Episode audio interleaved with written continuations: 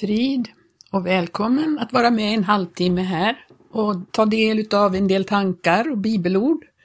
Jag heter Gertrud Johansson och vi hörde eh, pilgrimsfolket sjunga I mitt hjärta en sång, i min själ glädje stor. Jag har funnit min ro i Jesus.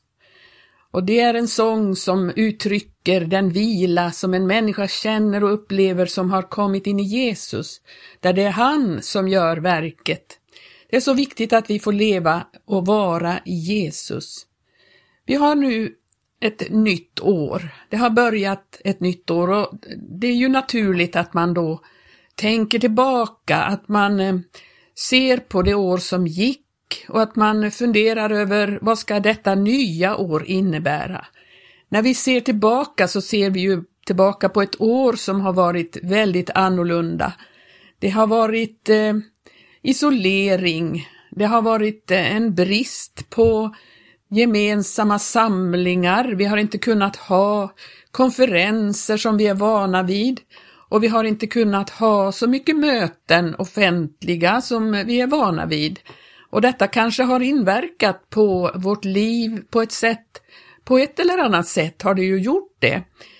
Eh, och jag vill fråga mig, hur har det blivit med vårt personliga gudsliv i den här isoleringens tid?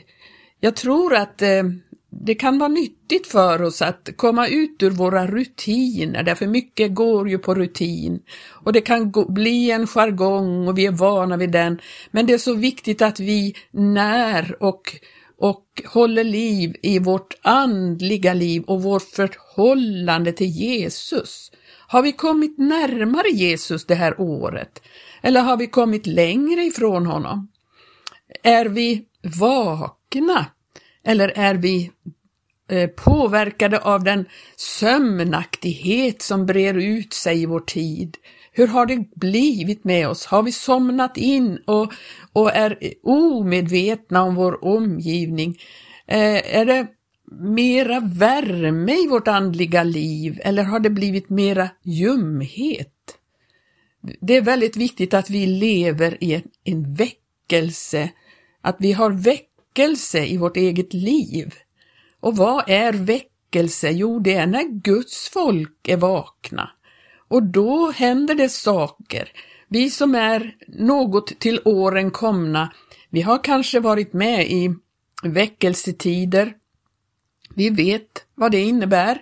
Det har eh, kunnat vara väldigt mäktiga möten, det har kunnat vara en eh, atmosfär då vi upplever att Gud är så nära, att han är så helig, att han är så, så verksam ibland oss. Väckelse är inte ett övergående rus eh, som inte förändrar oss inifrån. Väckelse det är när, när ordet går in i djupet på vårt väsende och förändrar saker och ting och det händer saker i våra liv och då människor förnimmer att Gud är färdig och kommer, kommer till tro. Det är väckelse. Men framför allt handlar det om att Guds folk måste vara vakna. Vakande och bedjande ska vi vara.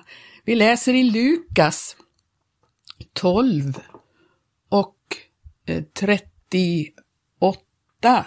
Saliga är den som eh, han finner vakna står det där. Den som han finner vakande, 12 och 38, jag ska se vad det står i, i, i eh, 1917 års översättning. Det står lite annorlunda där tror jag. Vi ska se. Där står det så här.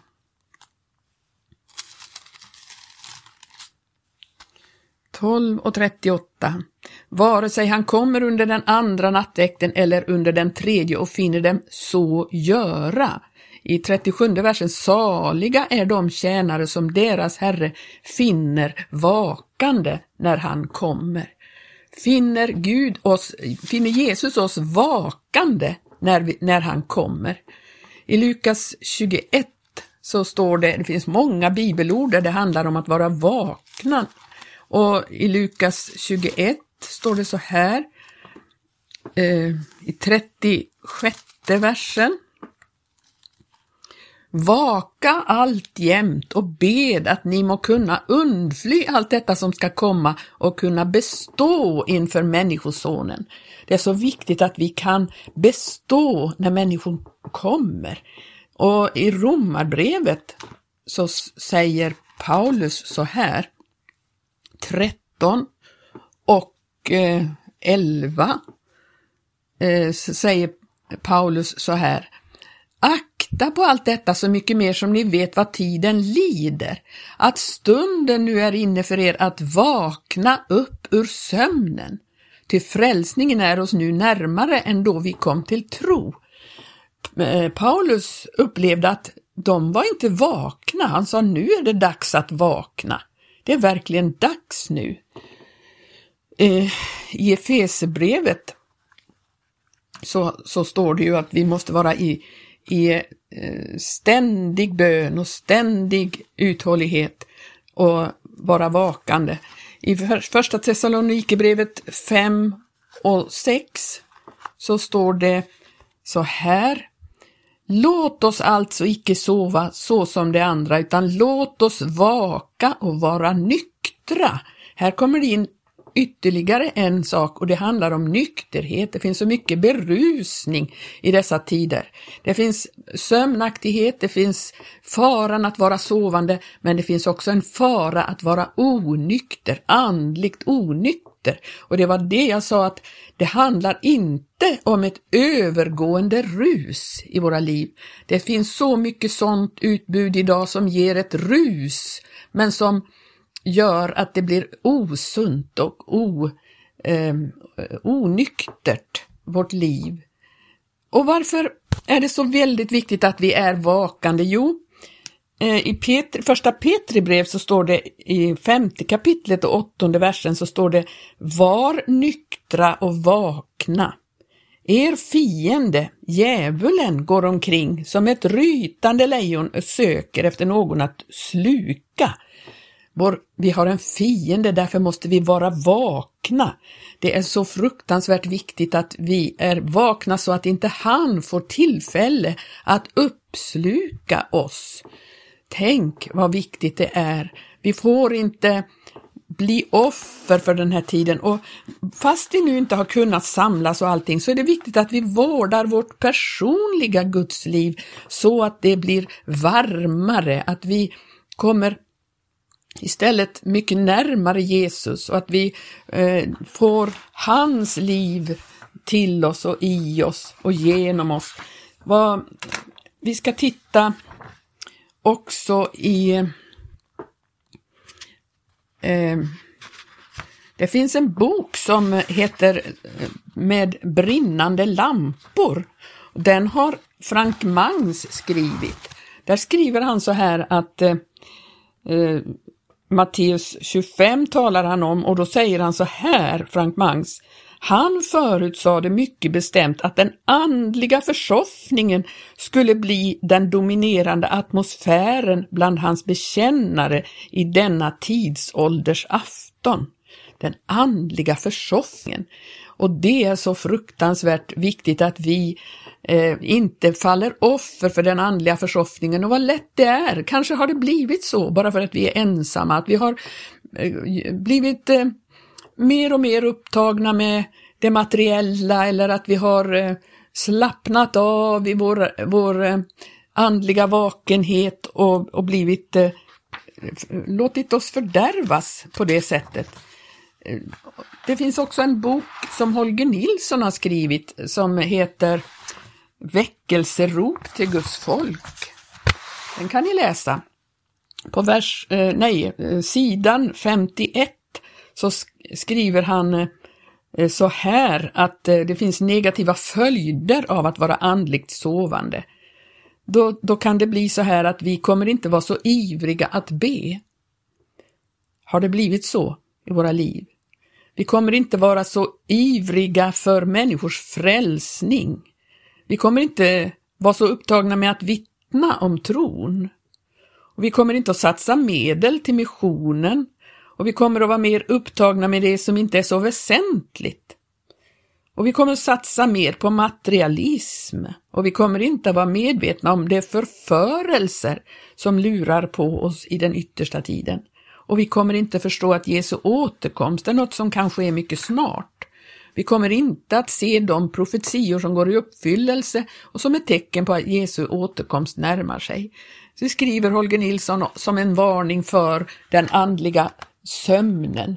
Och det är ju klart att den som sover vet ju inte om att han sover. Han vet inte heller den närvarande situationen. Han märker inte saker som närmar sig, som är farliga. Han märker inte eh, om det brinner i huset. Han märker inte om det hotar en katastrof. Han märker inte om det kommer ett lejon smygande för att uppsluka. Därför är vakenhet så oerhört viktigt i den här tiden. Vi måste förstå att, att hålla oss vakna och vara nyktra. Eh, det står ju i, i som, som, vi citerade i första Thessalonikerbrevet 5. Ni är ju alla eh, ljusets barn och dagens barn. Ja, vi hör inte natten eller mörkret till. Låt oss alltså inte sova som de andra, utan låt oss vaka och vara nyktra. Det som sover, det sover om natten och det som dricker sig druck druckna, de är druckna om natten, men vi som hör dagen till, vi må vara nyktra, iklädda trons och kärlekens pansar med frälsningens hopp såsom hjälm. Ty Gud har inte bestämt oss till att drabbas av vrede utan till att vinna frälsning genom vår Herre Jesus Kristus, som har dött för oss på det att vi må leva tillika med honom, vare sig vi ännu är vakna eller vi är avsomnade. Trösta därför varandra och uppbygg varandra inbördes, så som ni också redan gör. Jag tror att vi behöver ha väckelseatmosfär där vi är. Vi behöver ha det, även om vi inte kan samlas till stora samlingar. Jag tror inte, det kanske inte blir så mer, men jag tror att Guds närvaro och hans helighet och härlighet kan också komma i de små husförsamlingarna, de små samlingarna som vi kan ha fortfarande med några syskon. Eftersom Jesus säger så här att där två eller tre är församlade i mitt namn, där är jag mitt ibland dem. Och jag känner och upplever sån behov själv av att faktiskt Jesu liv får flöda ut ifrån mig. Och det, det är ju så viktigt att vi har ett övertryck av den helige Ande i våra liv, att inte vi låter oss påverkas av den här sömnaktigheten eller onykterheten. Och att inte vi dras med i olika vågor som går över eh, folket, sånt som är till för att förvilla oss och få oss Eh, på felaktiga vägar. Det finns så mycket förförelser i den här tiden. Vi måste vara väldigt vaksamma så att inte vi låter oss lockas med i det, utan att vi kan hålla oss på vägen, hur den ser ut, och att vårt förhållande till Jesus blir allt mer djupt och innerligt och att vi längtar efter att behaga honom, och att vi längtar efter att förverkliga hans ord, att vi längtar efter att lyda honom, att vi blir, som vi har hört citeras så många gånger, att vi blir av hjärtat lydiga hans ord. Det är ju frågan om en vandring, en vandring med Jesus som gör oss helgade, som gör oss allt mer lik honom. Och detta kan ske i våra liv om vi eh, tar vara på de möjligheter vi har. Det står ju det att Jesus säger så här att, eh, att eh, den som dricker av det vatten den jag giver, i honom ska det bli en källa som springer upp till evigt liv. Då kommer källan inifrån i oss. Tänk vilken, och det står också den som tror på mig, från honom ska det utgå en källa av levande vatten. Och jag tror att, tror vi verkligen på honom eller har vi bara levt i eh, väckelsemiljö och själv inte haft den här innerliga förhållande till Jesus, ja då är det faran väldigt, väldigt stor att vi blir ljumma, att vi blir upptagna med det materiella, det närvarande, det timliga och låter det bli större, få större plats i våra liv. Nej, evangelium är ju en kraft. Det är inte bara ord, det är inte bara en eh, ord, alltså att vi bekänner med orden, utan det är en kraft till att våra liv blir förvandlade inifrån. Att det sker någonting i våra hjärtan så att vi blir mer och mer lika Jesus. Det här kan ske antingen vi kan samlas väldigt många, ha härliga konferenser som vi är vana vid, men det kan också ske i det lilla sammanhanget, där vi kanske bara kan träffas två eller tre, där vi kan vara samlade i bön. Ta vara på tillfällena att samlas i bön och med de syskon du har. Ta vara på tillfällena och nu finns det ju ett så stort möjlighet att genom den moderna tek tekniken ta del av teckningar och undervisning som har spelats in och som finns på nätet. Vi kan hitta predikningar långt tillbaka i tiden, vi kan ta del av det och mata våra sinnen och hjärtan med Guds ord ifrån tider då det har varit annorlunda. De möjligheterna fanns inte förr, men man har ju böcker också. Det finns väldigt bra böcker att ta del av. Mycket bra som man kan läsa för att hålla sig vid liv, hålla sig eh, och ge näring åt den andliga människan. Det är frågan om i våra liv vad vi ger näring åt i våra liv. Vi, vi kan ge näring åt det timliga, det materiella, det själiska, men vi kan också ge näring åt den andliga människan.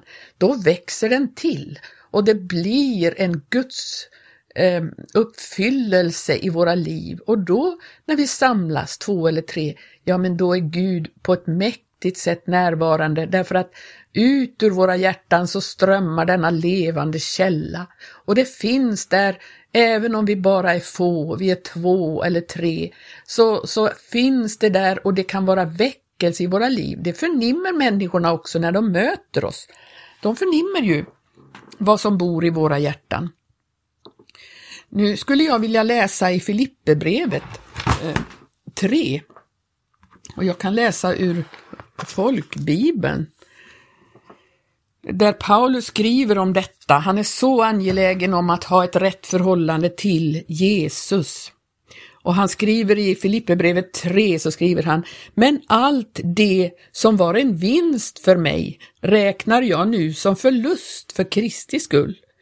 Ja, jag räknar allt som förlust därför att jag har funnit det som är långt mer värt, kunskapen om Kristus Jesus min Herre. För hans skull har jag förlorat allt och räknar det som avskräde för att jag ska vinna Kristus och bli funnen i honom, inte med min egen rättfärdighet, den som kommer av lagen, utan med den som kommer genom tro på Kristus. Rättfärdigheten från Gud genom tron. Då känner jag Kristus och kraften från hans uppståndelse och delar hans lidanden genom att bli lik honom i en död eh, med honom, i hoppet om att nå fram till uppståndelsen från de döda. Inte som om jag redan har gripit det eller redan har nått det målet, men jag jagar efter att gripa det eftersom jag själv har blivit gripen av Kristus Jesus. Ja, Bröder, jag menar inte att jag redan har gripit det, men ett gör jag. Jag glömmer det som ligger bakom och sträcker mig mot det som ligger framför och jagar mot målet för att vinna segerpriset, Guds kallelse till himlen i Kristus Jesus. Vilket mål, vilket mål att ha. Och jag kan också citera i andra kapitlet, eh, tolfte vers, där står det Därför mina älskade, liksom ni alltid har varit lydiga, så arbeta med fruktan och bävan på er frälsning, inte bara som när jag var hos er, utan ännu mycket mer nu, när jag inte är hos er. Ty Gud är den som verkar i er, både vilja och gärning, för att hans goda vilja ska ske. Gör allt utan att klaga och tveka så att ni blir fläckfria och rena, Guds oskyldiga barn, mitt ibland ett falskt och fördärvat släkte, bland vilka ni lyser som stjärnor i världen när ni håller fast vid livets ord. Detta må vara vårt mål allesammans, att verkligen få lysa i den här världen som himla ljus för människorna. Må Gud välsigna var och en som har lyssnat till det här. Nu ska vi höra på en sång som pilgrimsfolket å, återigen ska sjunga, som heter Funnen i dig, Jesus. Gud välsigne dig.